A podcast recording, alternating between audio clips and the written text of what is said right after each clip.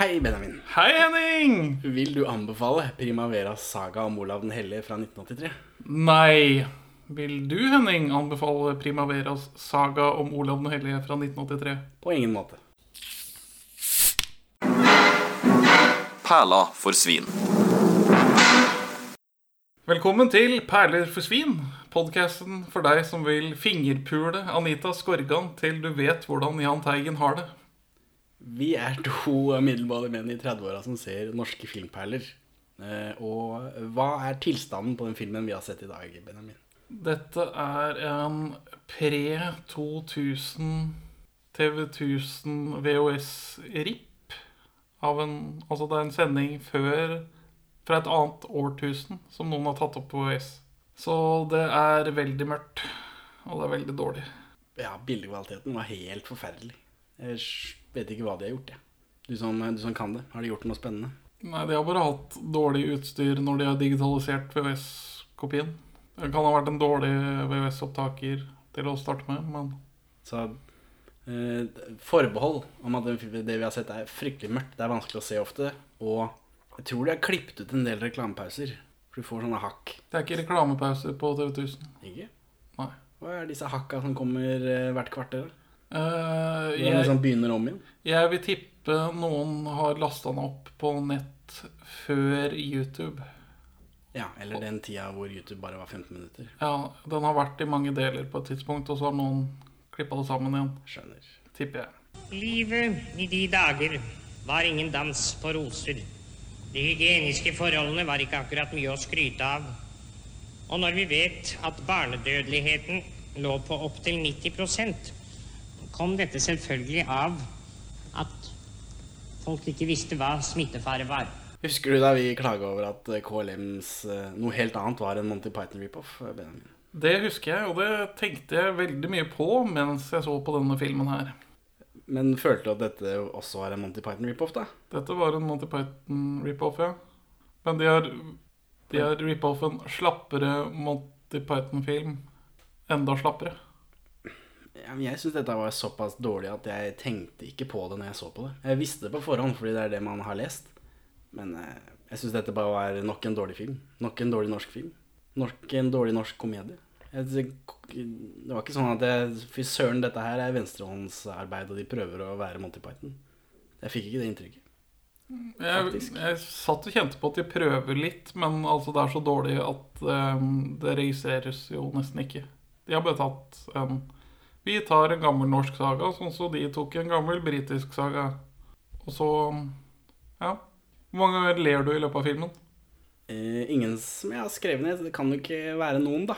Jeg ler én gang. Jaha. Og det er når de døper Jahn Teigen.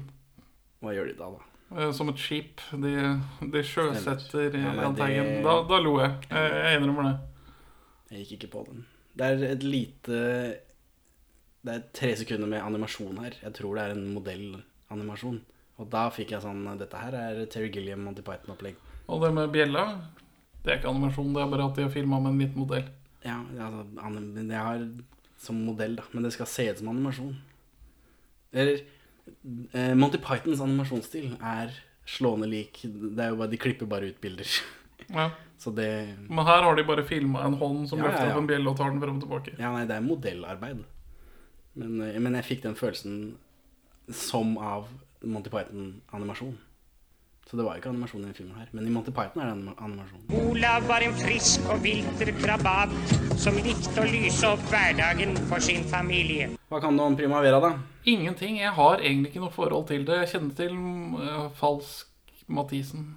Er det to personer, da? Det stemmer. Uh, Reodor Falk og eh, Falsk og Det er Herodes Falsk og Tom Mathisen, ja. Tom Mathisen. Og Tom Mathisen er stemmen i Fortellerstemmen i Brødrene Dal. Det er riktig.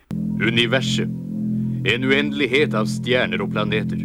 Her ender den veldig sånn stemme. Men nå er jeg veldig sur på han. Men jeg hadde, sur på han. jeg hadde flere venner på ungdomsskolen som liksom Primavera. Det er det kremeste av humor. Men jeg har ikke noe, har ikke noe forhold til det. Jeg har aldri rulla noen av deres kassetter eller slettet noen VHS-er. Så ja. Nei, jeg eh, gikk i klasse med en som var veldig Primavera-fan. Og jeg ble vel med på det eh, etter hvert.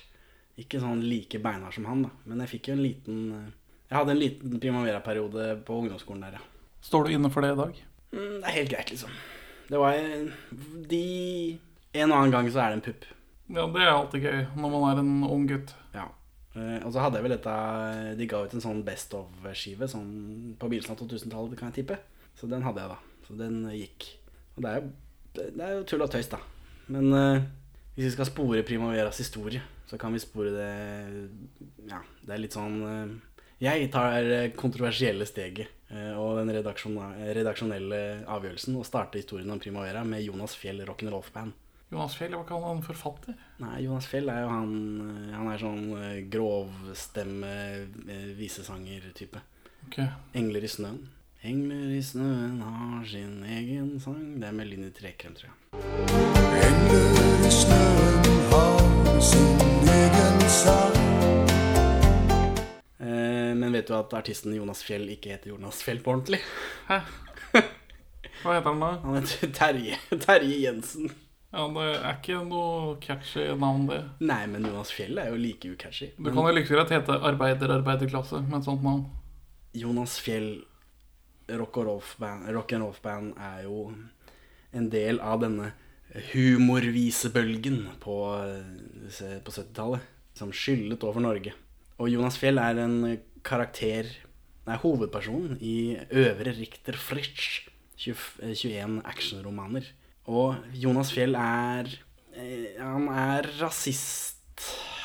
Det er Oi. ikke så mye å Litteraturforsker Willy Dahl omtalte i 1975 Øvre Riktig Frisch som den norske triviallitteraturens mest erklærte rasist og voldsromantiker. Han er antikommunist av det mest vulgære, hetsende slaget. Mens andre folk, andre eh, på året mener at han bare uttrykker den jevne rasismen som fantes i samfunnet på den tida de bøkene ble skrevet. Den første er fra 1911, og den siste i 1935. Så Jonas Fjell slår jo da igjennom med Jonas Fjell rock'n'roll-band. Og så når han slutter å være morsom, når han heller vil være seriøs visesanger, så er han kjent som Jonas Fjell.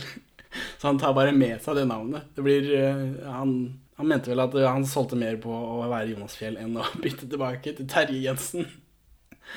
Så, og det stemmer jo for så vidt. Det er jo eh, ikke så mange som vet, at, eh, vet hvem Jonas Fjell er nå. Nei, Det høres nok lurt ut, men det var nok ganske mye jevn rasisme i Norge mellom 1911 og 1935. Ja, ja, ja. Men han er en sånn blond kjempetype. Det ariske idol. Eh, Men uansett, da, i 1976 så bryter Herodes Falsk ut av bandet og slår seg sammen med barndomsvennen Tom Mathisen. Og de finner vokaltalentet Jahn Teigen, da. Som før dette har spilt, spilt en del progrock. Og så går de sammen, og, så, og de er jo midt i den der humorvisebølgen, da. Så de fortsetter bare den. Jeg har sett annen NRK-program hvor enten Falsk eller Mathisen snakker om hvordan det var å komme inn på en konsert med Hvilket band var det Jan spilte i det på tidspunktet? Åh, jeg husker ikke. Vox Populi eller et eller annet sånt? Ja, nei, jeg husker ikke. Eh, Popel Vol og sånt. Nei, jeg det Ja. Jeg vet ikke om jeg husker ikke om det var før eller etter. Det må ha vært før. Han beskrev det i hvert fall som uh, veldig magisk at å, å kontrastere Jahn Teigens stil sammenligna med andre norske prog-rock-vokalister på tidspunktet. Ja, det mener jeg leste han Herodes Falsk var vel ute i forbindelse med at Jahn Teigen rusla her og snakka om det. Ja, det kan ha vært. Navnet Primavera er navnet på en italiensk bokser fra en øvre Richter-frekkbok. Så det kommer fra det greiene der alt sammen. Alt har sin rot i rasisme. Ja, eller øh, av Overraskende mye av eh, norsk humorvisemusikk fra, på 70-tallet kommer fra det. Så fra 1977 til 1982 så gir de ut en plate i året, bortsett fra i 1981, eh, da de gir ut to plater. Og en musikal. 'Fisle narrepanna i Tyrol'. Og 'Primavera uten en tråd', som er den første direkte til VHS, VHS-en i Norge. De fikk ikke noe filmstøtte, så da ble det ikke å produsere 19 kopier for kinoer i det ganske land. Nei, nei, jeg vet ikke hvorfor de bestemte seg for å gjøre det, men nå har de jo æren av å være den første, da. Øyvind Blunk medvirker, forresten. Ja, han kom ikke unna. Og så, i 1983, kommer denne filmen. 'Primavera saga om, eh, om Olav den hellige'. Her kommer Olavsmenn. En Kommer Olavsmenn. Jeg skal si deg hvem er hvem. Jeg har noen ord de sier om filmen i sammenheng med dette. Så jeg tror det er Falsk og Teigen som er ute og snakker. Sitat uh, uka før uh, premieren. Selv fremhever de begge to at budskapet med filmen er å få folk til å le. En komedie står og faller på om publikum synes det er morsomt. En film med et dypere innhold vil alltid kunne dekke seg bak at folk ikke forsto innholdet. Med en komedie er det enten eller. Folk ler når produktet er bra. Er det dårlig, vil de gå hjem uten denne latteren. Med denne filmen så stemmer det nok. Så det var jo ikke så veldig bra, da. Nei, den er, den er, ganske, den er ganske dårlig. Lille Olav lekte som alle andre barn og vokste med rivende fart. Hva er ditt inntrykk av regissør Herodes Falsk? Uh, at han er en amatør? Som regissør, tenker du på? Ja. Han regisserer jo sammen med en annen fyr. Hvem da? Er dette et kjent fjes i norsk filmverden? Sånn passe. Harald Paulgaard. Dette er den eneste filmen han regisserer. Men han er fotograf på bl.a. Blücher og Orions belte og masse greier. Helt opp til Erobreren, den TV-serien som gikk i 2012. Ja, Blücher den har jeg sett litt av på YouTube, og den ser forferdelig dårlig ut. Men jeg syns, med forbehold om at alt er veldig mørkt og vanskelig å se, så syns jeg filmen så bra ut. At det var mye de har prøvd sånn utseendemessig. Ja, det, Det, når jeg så det, så tenkte jeg på Harald da. Hva har denne filmen til felles med Lawrence of Arabia og Gandhi? Oscar i fleng. Nei. Nei, da Jeg gir opp. Det er samme firma som har levert kostymer til disse tre filmene. Jeg så ikke så mange grønne stillongs i Lawrence of Arabia, men eh, det er mulig de var under. Nei, nei, men disse middelalderdraktene i flengen, de er det samme storselskap som britiske storselskap som har stått for. Olav driver fortsatt med disse strekene sine. Hva er det han har gjort nå, da? Han har revet ned London Bridge, rasert Canterbury og, og fjerna levra på en nonne i Skottland. Hvem, hvem er Casino Steel? Eh, Casino-stil eh, Det høres ut som et pornonavn. Ja, det er med en fyr som heter Casino Steel. Men mange av disse tilfeldige random folka som er med i denne filmen, her er jo folk eh, Tom Mathisen eller eh, Primavera kjenner. Eh, så det er, det er en musikertype. Ok. Var den, var den filmen her til felles Eller hvor mange ledd må man gå før man finner en kobling til filmen Guardians of the Galaxy 2? Eh, Ingen det er ett ledd, eller det kan bare hoppe over. Ja, Bjørn Schiffs er jo med i den filmen her. Yes, og han har noe musikk i traileren. Ja, men det er eneren, er det ikke det? Nei, jeg leste toeren på nett i stad. Ja, jeg mener det er eneren. Uga chaka, uga, uga.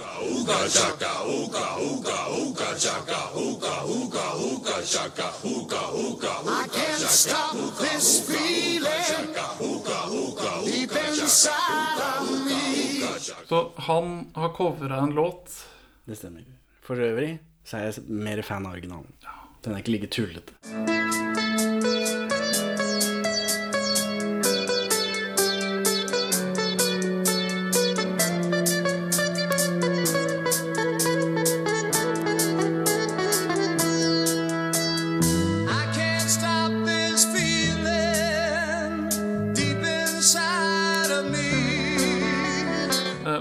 Er ikke han som innfører det uga chaka, uga chaka-introen. Det er den en Det er det annen, heller ikke. det er det en annen fyr som gjør.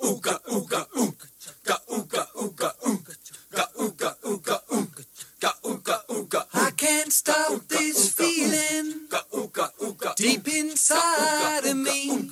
Men det er Bjørn Skiffs sin versjon som populariserer det. Men også det er celebert selskap til den filmen her, da. Ja, de er det er jo- Marius Müller er med. For jeg er den du veit sier aldri nei. Jeg kommer alltid løpende til deg. Ja, en liten rolle før han møter Veggen. Telefonstolpe. Ja. Han får vel hjerneslag først. Det er vel det som gjør at han krasjer. Så han er vel død Dead before impact. Olav, du vant den store kampen, og du var den verste rampen. Folk flest fisker i elv og vik, hvor Olav dumper sine lik. Men det er ikke vår skyld at vi er usle pirater som ser den filmen her på YouTube. Nei, for denne er jo ikke på DVD. Og jeg følte at vi måtte forte oss å se den, i tilfelle den skulle bli borte for alltid. For den eneste gangen den her har blitt vist Den har vel blitt vist et par ganger på TV, men den eneste muligheten for å se den i nyere tid er når sånne studenter, filmklubber, kjører filmrull torsdag. Og det har ikke vi fått tenkt oss med på. Så da ble det en TV 1000 VHS på, på YouTube. Jeg, jeg har aldri sett den TV 1000-logoen, og jeg fikk TV 1000 i 2001, så det, det er ganske tidlig. Så tror jeg at det kunne passe med en liten artig historie fra et festlig lag i Colosseum i Roma. Det var to fanger som sto og snakket sammen, og så spurte den ene Hvilken av vaktene liker du best? Jo, jeg liker Brautus best, svarte den andre. Hvorfor det, spurte den første. Jo, fordi han er så god til å piske opp stemningen. Tom Mathisen var god venn med Knut Lystad tidlig på 70-tallet fordi begge liker ordspill. Og det tenkte jeg du ville sette pris på. Jeg vil si Knut Lystad er bedre på ordspill enn Tom Mathisen. Ja. Filmen åpner med sangen 'Her kommer Olavs menn'. Den har jeg hørt. Jeg vet ikke om det har noe med den lille primavera-fasen min. Men jeg syns jeg har hørt den før. En pen og pyntelig gjeng. Og nå skal vi Altså, det, det starter med en sånn sang som Ja, teksten er ganske banal, men det er jo mye av disse eh, primavera-låtene er ganske banale. Skal beskrive liksom rollegalleriet, men det tar 27 minutter ut i filmen før vi introduserer de karakterene utover Jahn Teigen, som det synges om i introsangen. Men kom ikke unna at Jahn Teigen er flink til å synge, da. Det skal han ha. Var flink til å synge. På denne videoen så er han flink til å synge. Eh, og så står det i rulleteksten står det norske tekster av Per Pål og Espen Aamodt. Det er jo noen humorundertekster her. Men det er skrevet av Per Pål og Espen Aamodt, og det prøvde jeg å google, jeg fant ingenting. De sender også en spesiell takk til Oslo-politiets rytterkorps, som sikkert henger på grep. Det er de som har stilt med hestene. Sikkert. Men så er det også en spesiell takk til Statens senter for barne- og ungdomspsykiatri. jeg vet ikke. Hvordan har de bidratt til filmen? vet ikke. Det kan være humor, da. Ja, Men skal ikke humor være morsomt, Henning? Ikke i denne filmen. La meg sitere. Det er jubelbrus. Fint, jeg er så tørst.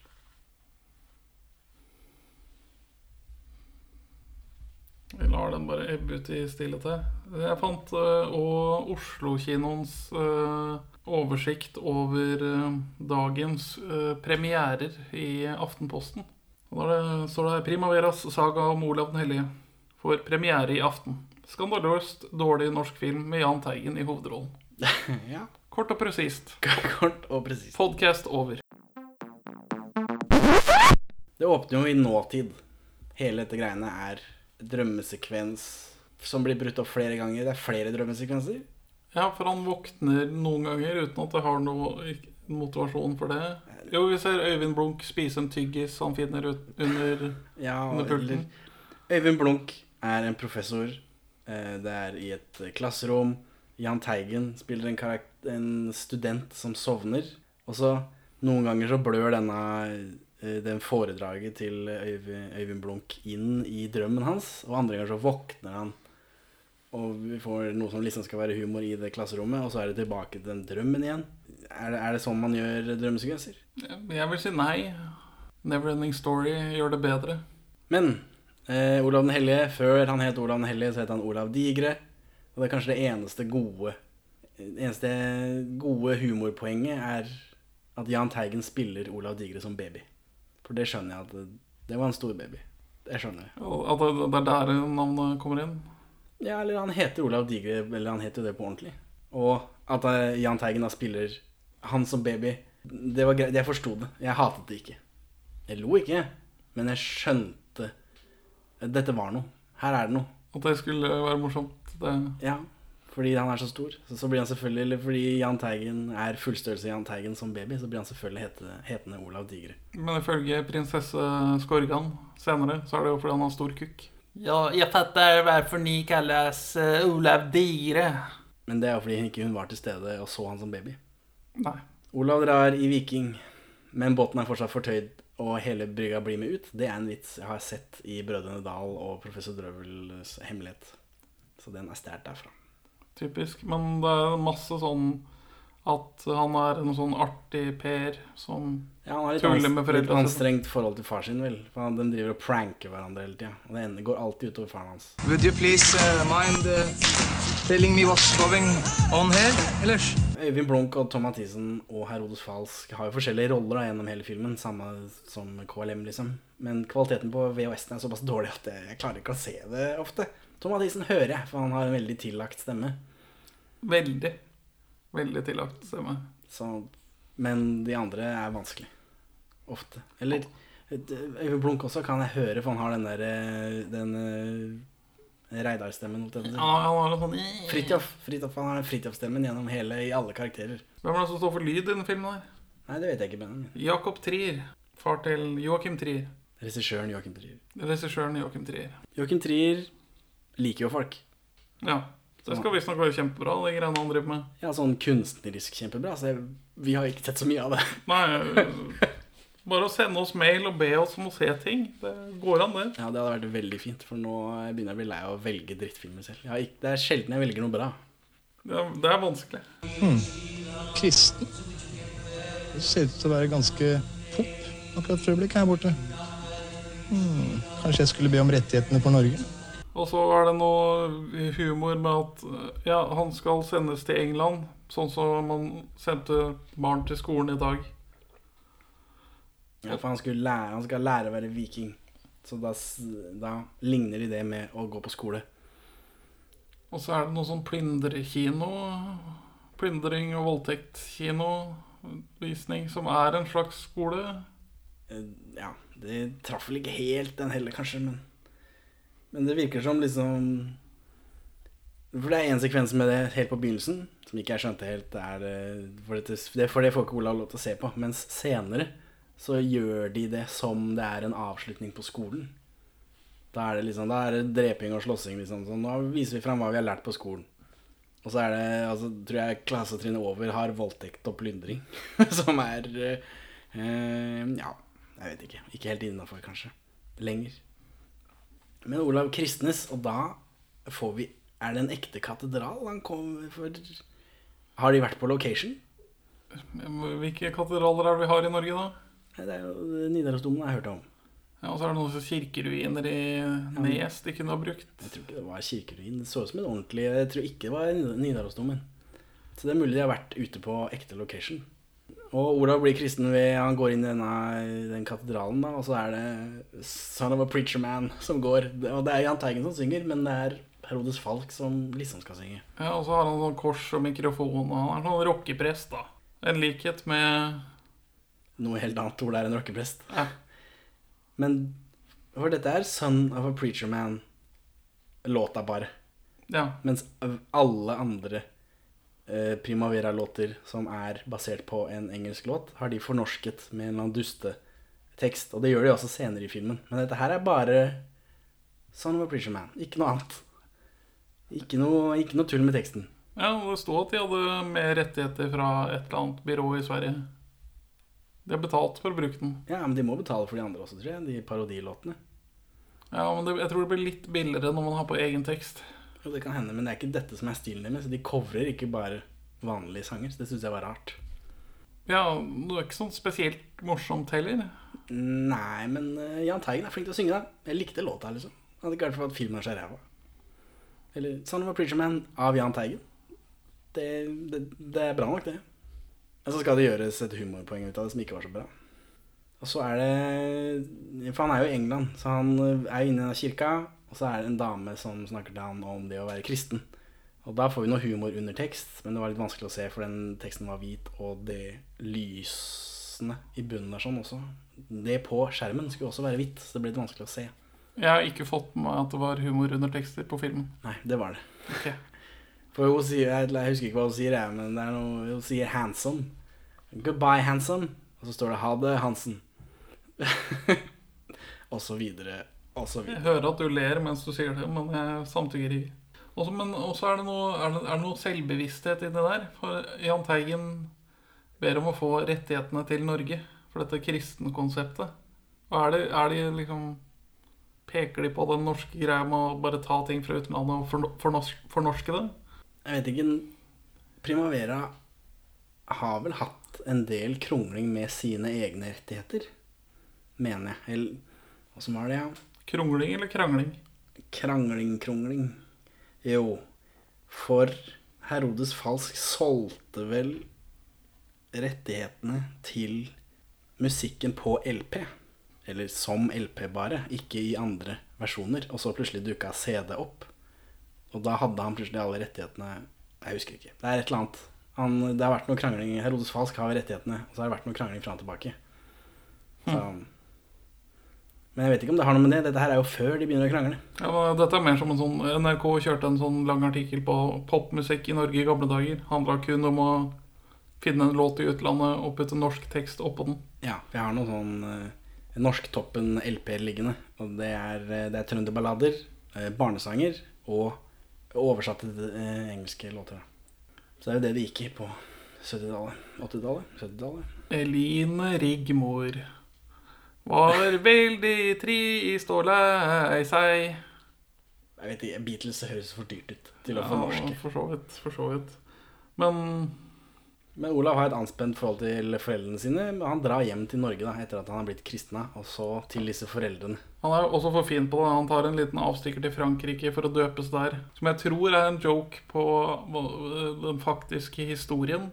Ja, eller han Ja, dette er jo 1000 år siden, så folk er litt usikre på det meste. Men de fleste mener at han ble, ble døpt i Frankrike. Ja. Kanskje så hipp du var på Olav den hellige nå? Jeg har sett en film om det. Oh, ja. Og da ler jeg den ene gangen jeg ler i filmen når han døpes som en båt. Det, kanskje det var mest fordi jeg tenkte på å ta sjansen. Jeg hadde håpa at han skulle liksom ja. At den skulle åpne er sjansen er gøy. Hvorfor gjorde du ikke noe med det? Kanskje det ikke eksisterte på 80-tallet. Er det et 90-tallsfenomen? Kan det ikke være. La meg sjekke. Som den snobb han var, valgte Olav å dra til Frankrike for å bli døff. Fra 1983. Ja, så det kanskje noen ser Jahn Teigen bli døpt som en båt og bare tenker her kan vi gjøre noe på Holmenkollen. Dette er et konsept. Neppe. Men Olav, det er mye bedre atmosfære å snakke inne. Dessuten er blandingen av oksygentrappfatet og kulloksygenkvotienten langt mindre inne, så da blir du ikke så tørr i munnen. Ja, du vet vel like godt som meg, pappa, at det der, der virker ikke på mennesker, så fremt det ikke er 6-27 varmegrader ute. Ja, men Den beregningen er gjort på det kastralkoreanske desimalsystemet, og, og det er jo avleggs. Ja, men jeg har lyst til å fortelle det her ute, pappa og mamma. Er det noen dverger i filmen? Jeg mener å se en dverg i denne sekvensen og en dverg i en senere sekvens. Jeg, jeg så for meg at det er samme dvergen, men han er med gjennom hele. Han, den, en del av Olavs menn er en dverg. Ok. For hvem er Olavs menn? Det er en idiot Alt som kan bli mørkt. biskop, og så er det en oppfinner som Det første han gjør, er å finne opp stress. Ikke morsom vits. Beklager. Nei, hva Beklager. Og så er det Tom Mathisen da, som er skall. Herodes Falsk er denne oppfinneren. Tom Mathisen er en skall, og Øyvind Blunk er, blir beskrevet som en idiot, så han kan være biskop. Eh, Og de møtes for første gang i en campingvogn. Og jeg skjønner ikke. Jeg skjønner ikke hvorfor det skal være gøy. Jeg forstår det ikke. Nei, hva, hvorfor er de i en campingvogn? Hva Også, altså, Det er jo den derre bråten som han, han Lars Mjøen. Lars Mjøen. Lars Mjøen eh, vil ha samfunnskritikk og brodd. Ja, så det er jo at idioten kan være biskop. Det altså gjøre gjør humor på samfunn, eh, maktstrukturer i samfunnet. Hva? Ja, det er bra. Det er bra. De er inne på noe, men kanskje ikke så langt inne. Så er det noe masse grusom støy mens han driver og finner opp stress. Ja, veldig mye. For det er fortfilm, og han gjør masse ting. Det bråker fælt. Og så, når han har gjort det i kanskje fem minutter i ekte tid, så er det innen en campingvogn. Og da får vi forklart at han er oppfinner, og at han akkurat fant opp stress. Så det er en veldig lang, irriterende sekvens. Og så kommer poenget etterpå. Tidlig, Og da er jeg irritert av alt det. tidlig norsk industriell eh, støymusikk, men det, det, er, er ikke noe morsomt. Du er på det. Ja, men det, det gjelder å finne lyspunkter der du kan. Men de bestemmer seg vel for å kristne Norge, da. Denne gjengen. Ja, en skald, en oppfinner og en idiot. Slash biskop. Og Olav uh, sjæl, da. Ja, for det, det er det Mathisen som driver og dikter noen sånne helt meningsløse dikt Ja. oppi det hele. Det er han som er skallen. Eh, Så de spaserer rundt i Norge, og de kommer til Gudbrandsdalen, hvor, hvor de møter motstand. I form av snøballkrig. Skjer ikke noe mer? Eller? Ja, det- det- tenk om de har tatt med guden sin. Hva skal vi gjøre da? Ja, ja fordi de treffer Dalegubben, som er spilt av Sverre Anker Austdal. Eh, faren til Mats Austdal, selvfølgelig. Skuespiller i Sweetwater. Run, run. Run Run i Sweetwater. Eh, ja. For de står på hver sin knaus. Det er hengebro imellom. Er- det, det, er, det er noe tatt rett ut av uh, Monty Python-filmen, er det ikke det? Jo, når du sier det, så er det en hengebro der også. Men som sagt, det er såpass dårlig gjort, eller altså dårlig utført, at jeg kobla det ikke. Og så løfter de opp guden sin, som er en snømann. Og da blir de stressa, for de har jo ikke noen gud å vise til. Nei. Og da, da er det fint å ha en oppfinner, da. Som i, i nå igjen lager masse grusom støy ved å skru av toppen på en enorm bjelle. Ja, for de går rundt med en kjempesvær bjelle. Hvorfor det? Jeg vet ikke. Er det morsomt? Nei. Nei. Nei. Men de har den eh, til det formålet her, og så går de fortsatt rundt med den hele tiden. Uten at de bruker den til noe. Den går i lufta til slutt, da. Uh, nei, det er ikke gøy. Det var ikke gøy. Men han skrur av det lokket på den bjella, falsk, og så sitter han inni der, og så roper han som om han var Gud. En roping som ikke er lagt høyt nok i, i miksen for å få den gudestemmeeffekten. Nei, ikke på dette VHS-opptaket, i hvert fall. Altså Det har jo Monty vist opp og ned i mente hvor, hva slags stemme man skal legge seg på for å gi inntrykk av å være gud. Jeg liker å tro at det er opptakets skyld. Det At de har komprimert det Ja, det kan hende. At, den, at når de lagde det, at såpass eh, skjønte de. Men det gjør Gud forbanna da, når han sier at 'jeg er den sanne Gud'. Ja, den ekte Gud blir forbanna. Så Da får vi denne modellbiten som jeg snakka om. Effektshoten det eneste som er sånn halvinteressant i filmen. Ja, de gjør det en gang til senere også. Når gutta boys de skal angripe svenskekongen. Og da får vi et sånt bilde av teltet hans. Det er såpass mørkt, så det er vanskelig å se. Men teltet hans som er opplyst, og så er det masse fjell rundt. Og så sier de 'der borte er det'. Og så klipper vi til dette bildet igjen. Men, men det er en modell.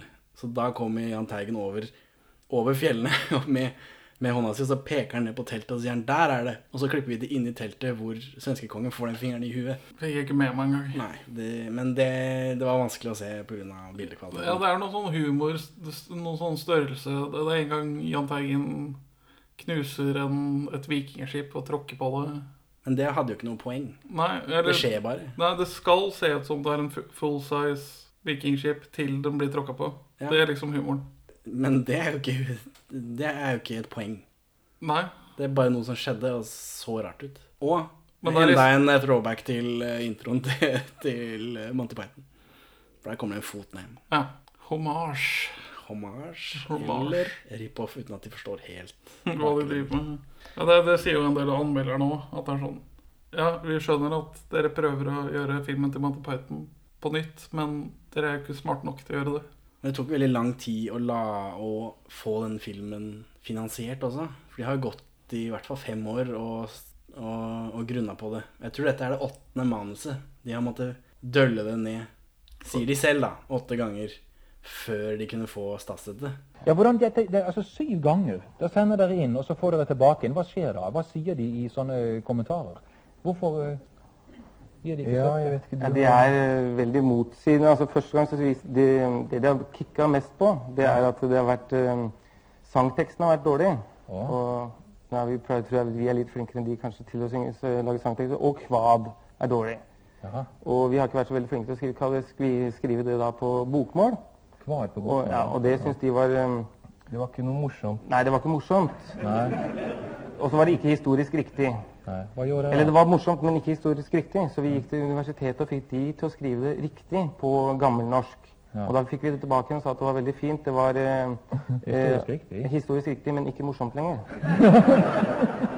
Så jeg vet ikke om det var sylskarpt, det første manuset. Og så har det blitt gjort eh, statsstøtteverdig ved å ta bort all brodd Ja. og humor. For det kunne jo vært noe her.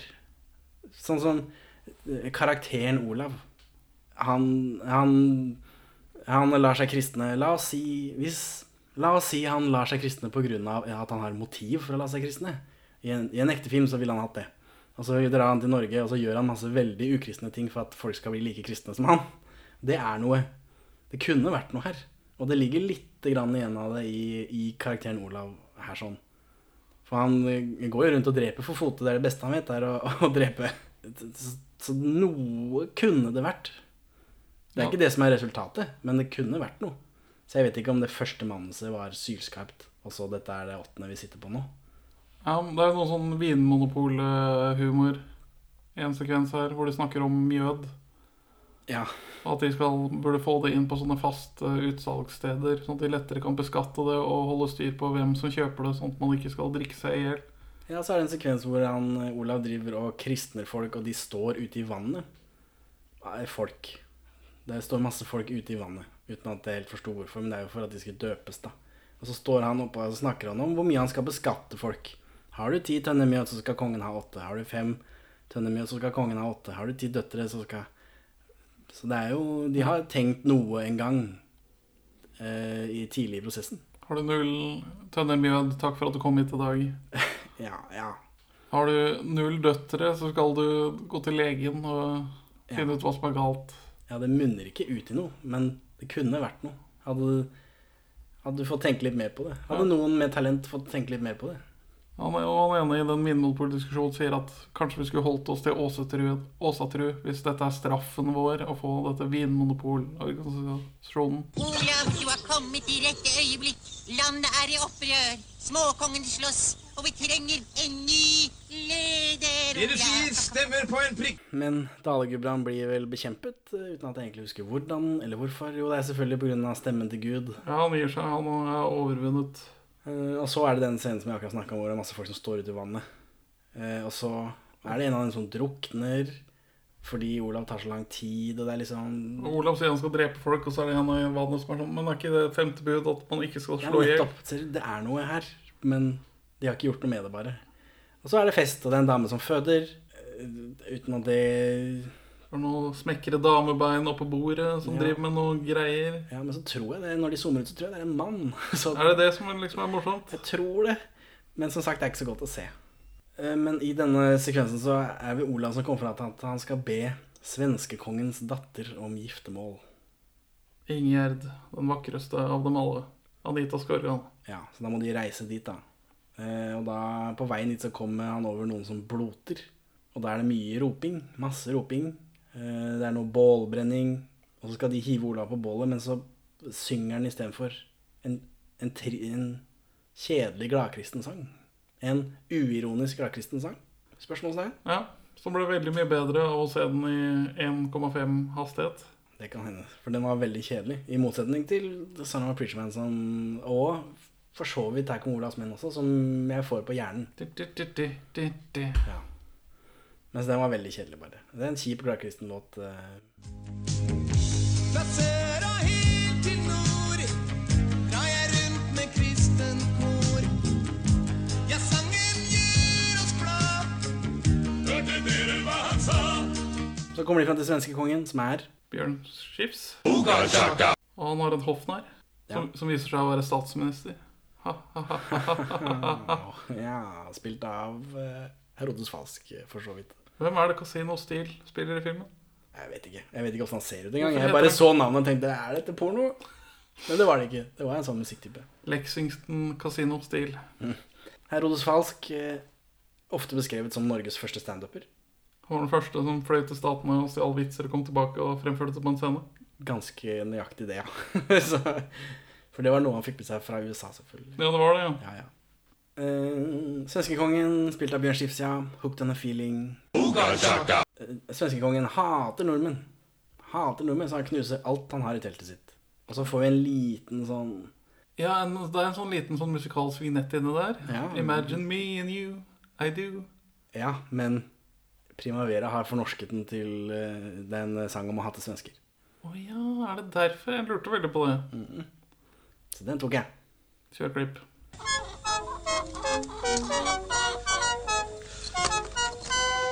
Svenske faen har ikke sans for musikk. De kjøper alt. Så er det en drømmesekvens. Han får, han får tre kroner i gave. Han har en krone med tre kroner på, siden han er den flotteste kongen. Siden han prøver å smiske i. Det var også ikke så morsomt. Veldig lite morsomt, faktisk. Ja, men den, ja, denne drømmesekvensen med pakistanske Thor og Odin ja, i en, er- i en sånn kebabbu. Ja, for det er en veldig sånn tidlig norsk uh, imitasjon av uh, pakistansk brytning. Ja, eller nei, han, han ene der sånn er pakistaner, i hvert fall, ifølge Wikipedia. Å ja, det er hva som snakker om Thor Odin, Krishna, Buddha, Mohammed Ja, det snakker om eh, Det er noe copyright-greier, det òg. Hvor de, at de har måttet flytte seg rundt omkring, for det kommer så mange andre guder. Og nå er de her oppe i nord, og nå er de på vei til å bli pressa ut derfra òg. Men hvorfor de Men det at de var pakistanere, gøy. Eller Det er noe. Humoristiske brodd. Hvorfor? Det er fordi det bryter med eh, min forventning av hvordan Thor Odin skulle sett ut. Som ikke er basert på noe annet enn at jeg er hvit. Og antar at, eh, at de også er hvite. For de kan like godt være på eh, Hvorfor skulle ikke de være pakistanere? At de var inni den kebabbua, var litt sånn over grensen her igjen. Men, men, men det Det kunne vært noe. Noe må de få. Ja, jeg bare Jeg ble, ble veldig perpleks. Så kommer Tore Hund. Det er riktig. Hva, hva, hvordan gjør man humor på en historisk figur som heter Tore Hund? Nei, han må oppføre seg som en hund, da. Det er det eneste Det er det eneste som går. Dekk, rull, Apport. ja til selvbestemt apport. Mm, Det er jo ikke mer enn seks år siden uh, abortloven. Det er vel en annen regel for komedier sagt av noen at man skal ha minst én vits per minutt. Noe, man skal le av noe minst én gang i minuttet gjennom en hel komedie. Men her, her det, det gjelder ikke for denne. Her, her kan det være litt langt mellom vitsene. Men akkurat her så kommer det sånn fem-seks på 30 sekunder. Ja. Da er det en sånn vits man lett kan ikke få med seg. Jeg tror ikke han er helt frisk, han der Tore Hund. Å, ja, han var kald på nesen. Fordi hunder ikke Fordi hunder er kalde på nesen når de er syke? Ja. Antar jeg. Uten Ja. at jeg kan noe om hund. Ja. Ja. Men det var ikke gøy, det heller. Det bare, vitsen er Tore Hund er en hund på ordentlig. Ja. Ja, så det er, det, det er den vitsen fem ganger bare, etter hverandre. ja. Og så var det noe kristenhumor. En krigskorrespondent fra Vårt Land. Det, ja. Han dukker opp igjen senere også. Ja, men da er han spilt av en annen Mm, jeg tror det er For det er Blunk som er han første gangen. Ja, og andre gangen. Fordi han, han som tar bildene, det er Blunk. Mens andre gangen så er det Snorre Sturlason, Som som er- er, eh, skribenten. Mens han tar Ah. bilder her. Uh, han spikker bilder. Men Olav drar til svenskekongen, og så slåss de. Og så har Ingjerd, uh, dattera til svenskekongen, er spilt av Anita Skorgan, da. Som jo var gift med uh, Jahn Teigen på et tidspunkt. De har barn sammen nå, tror jeg. Det har de også. Bekreftet samkvem mellom gratulerer til begge. Hvil i fred, Jahn Teigen. Nå ligger du i Teigen. Varför kan ikke alle nordmenn være som du? Lukter like godt.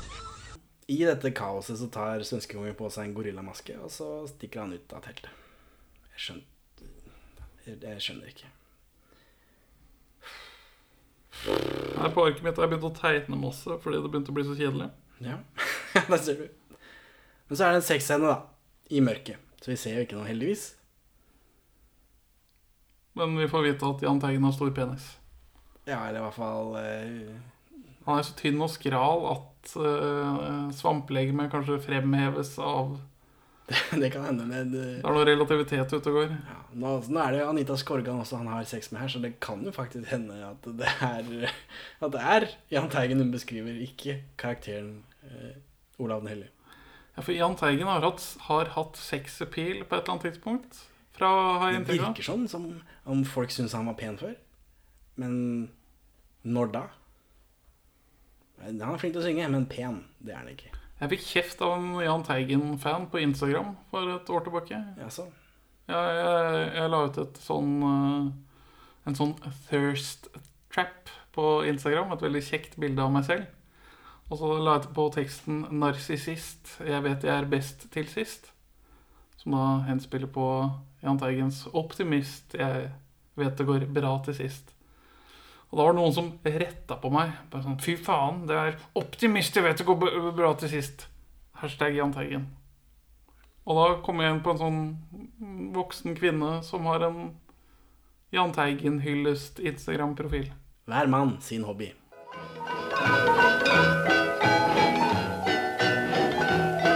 Hver mann sin hobby.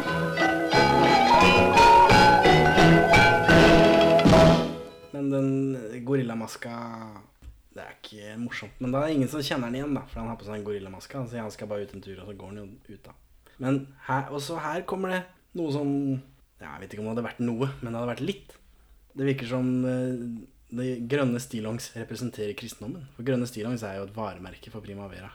Og her får vi en lite innslag av hvor Er du kristen? Nei, jeg har ikke grønne stillongs. Det er noe sånt. Og da tenkte jeg at jaha, det hadde jo vært noe. Men jeg tror ikke de kjører det. At alle som blir kristne, får grønne stillongs. Liksom. Nei, vi ser vel to-tre grønne stillongs i løpet av filmen. Missed opportunity. Men, og så er det noe jeg ikke forstår her. For uh, Anita Skorgan har velvillig eh, sex med Jahn Teigen. Hvem vi vil ikke ha det? Men dagen etterpå så er hun egentlig bortgifta til noen andre. Det stemmer. Det var hun dagen før også, men hun ville ligge litt med Jahn Teigen. Ok. Så da introduserer hun Tydvill, som bare dør etter å treffe deg. Hun dør etter å treffe Jahn Teigen, og så kommer hun inn, og så dør hun. Fordi hun traff Jahn Teigen. Og da kommer det også et lite sånn musikalsk riff. Kjente hun den, da? Men jeg sa jo det. Hun bare dør etter å treffe deg. En og en som jeg har mistet, som jeg elsker. Här, Jag har en syster til. Hun heter Astrid. Du kan ta henne. Hurra. Nå med en gang. Nei. Det var 'Si meg hva betyr adjø', som er en Jahn Teigen-låt. Si meg, hva betyr adjø? Er det bare trist, noe som sårer deg? Ja, Den ble spilt i en begravelse jeg var i forrige uke. Ja, Det ser du. Sikkert rett fra soundtracket her. Ja, for det er det her den er fra? Eh, nei, det tror jeg ikke. Det er nok bare et lite sånn hint til meg. Og den sang vel Anita Skorgan i Teigens begravelse? Ja, det vet jeg ikke. Den fulgte jeg ikke med på. Ah, ah, fin, den. Ja. Um, Og så er det et nytt klipp med Tore Odin i himmelen, og nå er det masse engler rundt også, den kebabvogna. Ja, så blir, blir vi, det blir vi rana. Den kebabvogna hennes blir vi rana av en engel med pil og bue. Er det det som skjer? Helt på slutten der. Er det som en kommentar på hvordan religioner slåss om dominans, hearts and minds? Eller hvordan det er å drive kebabsjappe. Men eh, Jahn Teigen-låta 'Min første kjærlighet'. Vet du hvem som har skrevet den? Min første kjærlighet gjorde mer for meg.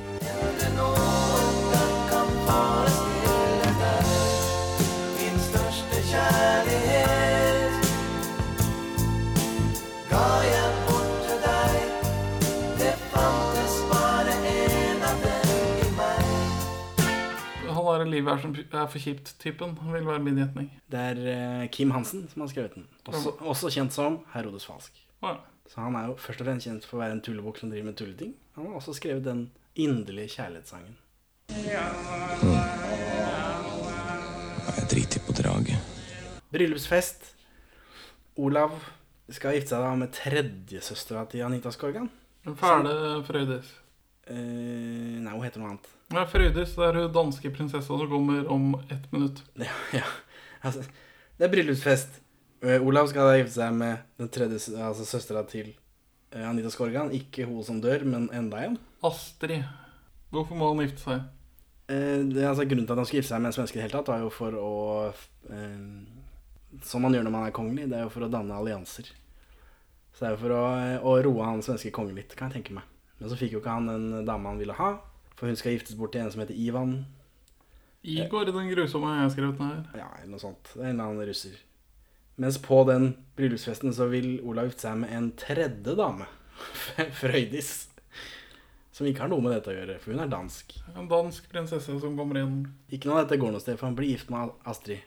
Og Anita Skorgan ser vi aldri igjen. Og ikke Frøydis heller, tror jeg. Før slaget ved Stiklestad så kommer hun tilbake på hvit hest og sier Nå er la av være. Du er ok på, på å drepe her, så vi kan gifte oss. Og så må du selv uh, prute med Tore Hund for å drepe kona di. Ja, for nå som Olav er gift, så er resten av filmen går ut på at han prøver å drepe kona si. Fordi han vil gifte seg med denne dansken. Partnerdrap. eh, Humor. Det er kjempegøy med den statistikken vi har i Norge. Men det er jo ikke, det er jo ikke vitser heller. Jeg skjønner ikke hva det er. Fordi de, de reiser land og strand rundt. De blir båret rundt i en sånn kasse som ikke jeg husker navnet på. Sånn som eh, fancy folk har. Og så, prøver, og så kommer de over en foss, og så dytter Olav hun ut av, den vogna, og så ned den fossen. Og så kommer det bare en random fyr og sier «Hei, du, du, Har du mista noe? Og så kommer hun med det, og så er det kjerringa tilbake igjen. En random tysker Ja. kommer, og de er bare sånn Hva smakte du? Hva smakte du?' Nei, nei. Ja, jeg, jeg skjønner det ikke. Alt det du ser her, er, er mitt. Ja, alle har, det er jo ikke noe spesielt. Alle har vel en arm. Nei, jeg mener de tingene jeg peker på. Jeg blir det, Nei, det her går ikke. Dette er, dette er kjedelig. Ja, nei, det er ikke, ikke bra. Men Olav treffer da noen hedninger etter at han har feila på å drepe kona si, som han torturerer.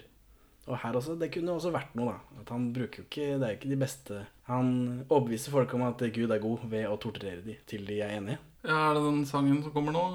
Det er det. Det er good vibration fornorsket til eh, Guds, eh, Guds vibrasjoner. Vi snakker om Guds vibrasjoner.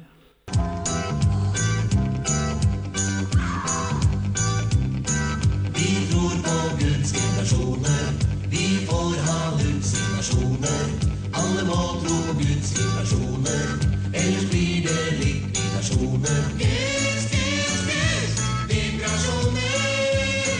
Ja, men det er klassisk primavera-humor, da, i det minste. Om ikke det er så gøy. Men øh, burde ikke Er ikke Beach Boys også ganske dyrt å kjøpe? Ikke for primavera, vet du.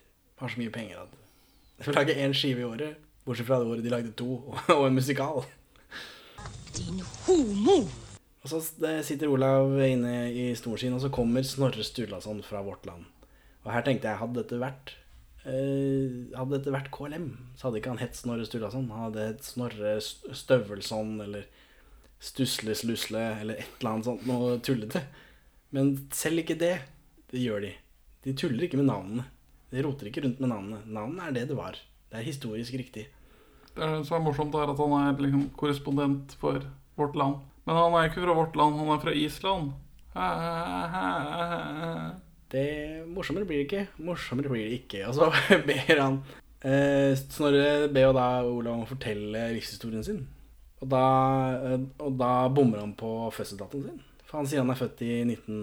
Altså i 995. Mens han egentlig er født i ca. 993. Ja, men er ikke det litt uklart? Jo. Det er vel ikke helt stadfesta den dag i dag. Nei, som sagt ca. 993. Han forteller jo hele sin livshistorie. Da. Ja, Han får jo også med at han dør på slaget Stiklestad i 1030. Eh, men er, hvorfor dør han der, da? Han får kjeft av kona si. Gjennom hele, egentlig, helt siden han begynner å gifte seg. Helt siden han gifter seg, så er det krangling. Men nå blir det sånn skrudd opp sånn at det er sånn masse kjeft eh, i høy tetthet.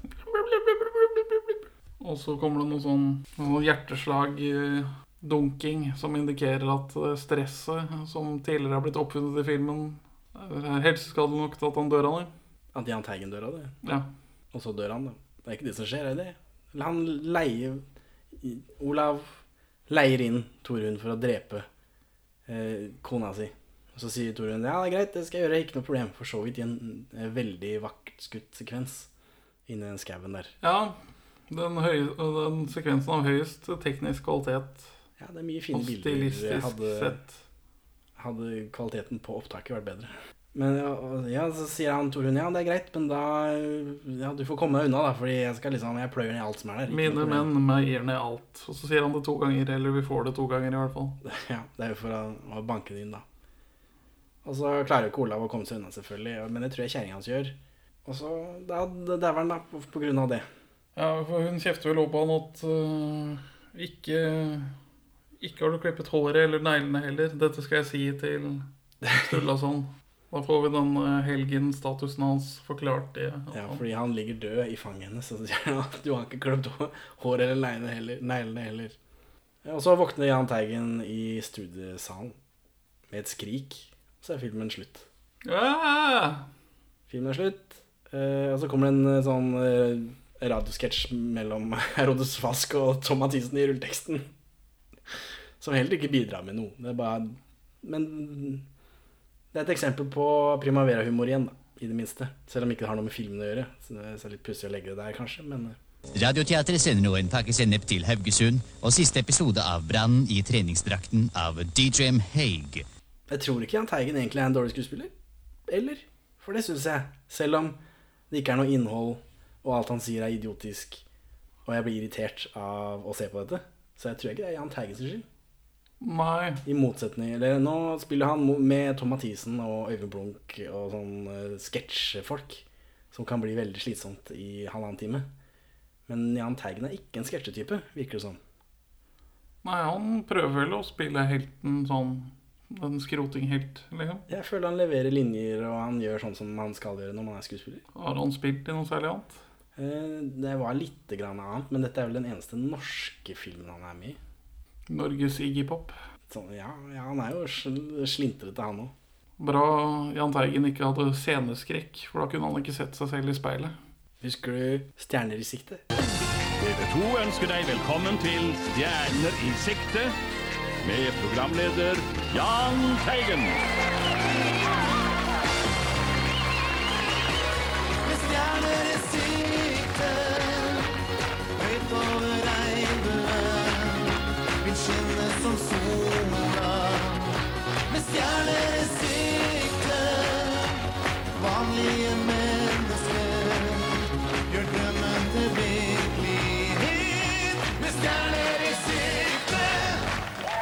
Det husker jeg. Ja, det husker jeg var Eller den juniorversjonen husker jeg var veldig stort for meg. Ja, det jeg drømte om å Å være med der og være superkul og synge sang og samme Jahn Teigen og greier. Ja, jeg tror jeg, jeg hadde koreografert et danseshow til den Babylons hus uh, Spaceman. Om du husker den? Ja, få se, da. Nei, mor, jeg er kristen. Kristen, det er fetteren din, det! Noe helt annet. Ja, KLM-filmen noe helt annet. Relativt sett så fungerer jo den. Ja, jeg ser iallfall hva de prøver på, mens her gjør de Her gjør jeg ikke det ofte. her har vi tatt konseptet til Monty Python, og så har vi ikke fått til noen ting med det. Mens de andre er sånn Vi tar konseptet til Monty Python, og så slenger vi inn vår skrotinghumor rundt en, et absurdistisk livshistorien til en vampyr. Og så er det dette med når du snakka om eh, vitser per minutt, at i KLM, den noe helt annet-filmen, så er, er det jo vitser hele tiden. Det er sightgags, det er dumme navn. Det er ikke vitser jeg syns er gøy, men det er masse der. Så når du har 100 000 vitser, altså, eh, er sjansen mye større for at du treffer på tre, enn her hvor det er to. Og jeg føler at de jobbet hardere de i KLM med den filmen. Ja, den er my mye mer gjennomført. Ja, mye mer som skjer. Tydelige deler og sånt. Mens altså den her introduserer jo karakterene i første sekund, og så kommer vi ikke til de før det har gått 27 minutter. Og så har det egentlig ikke skjedd noe i mellomtiden. Nei, og så er det den dumme rammefortellingen som heller ikke gir noe Som ikke gir noe. Oh, forstår jeg hvorfor hun de deg for för Ola Digre. Så, Benjamin, hvorfor vil ikke du anbefale Primaveras sagaen om Olav den hellige fra 1983? Fordi den er akkurat så dårlig som har blitt fortalt på internett allerede.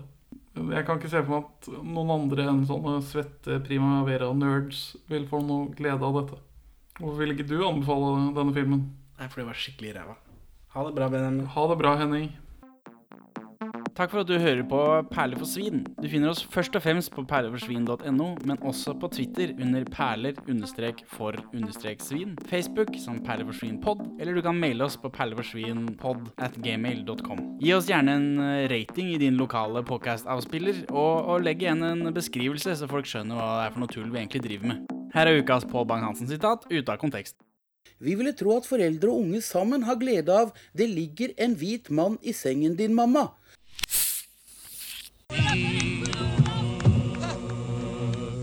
Hverdagens og hør min sang. Vi reiser vikingferd, min venn. Begynner og lever og drar hjem igjen. Og hodene faller av, hodene faller av. Faller Men jeg må ha en alternativ intro også. Ja vel. Eller, eller er det greit? Skjønner folk den uh, at han har Nei, det er bare du og jeg som har sett den filmen her. Ja, men Nei, men Det er jo en vits jeg har posta på Twitter for lenge siden uten å få respons. Jeg retweeta meg sjøl dagen han daua, for øvrig. Ja. Uh, men han har jo, hva heter det, ikke benskjørhet, men Revmatisme. Ja, så så sant, Hvis du fingerpuler Anita Skorgan lenge nok, så vil du få veldig vondt i fingrene. Sånn som Jahn Teigen. Eh, ja. Men nei, du Ta en. Nei, altså, De introene er det du som står for. Så det, hvis det kommer noe min vei der, sånn, så sier jeg bare ta det opp med Benjamin.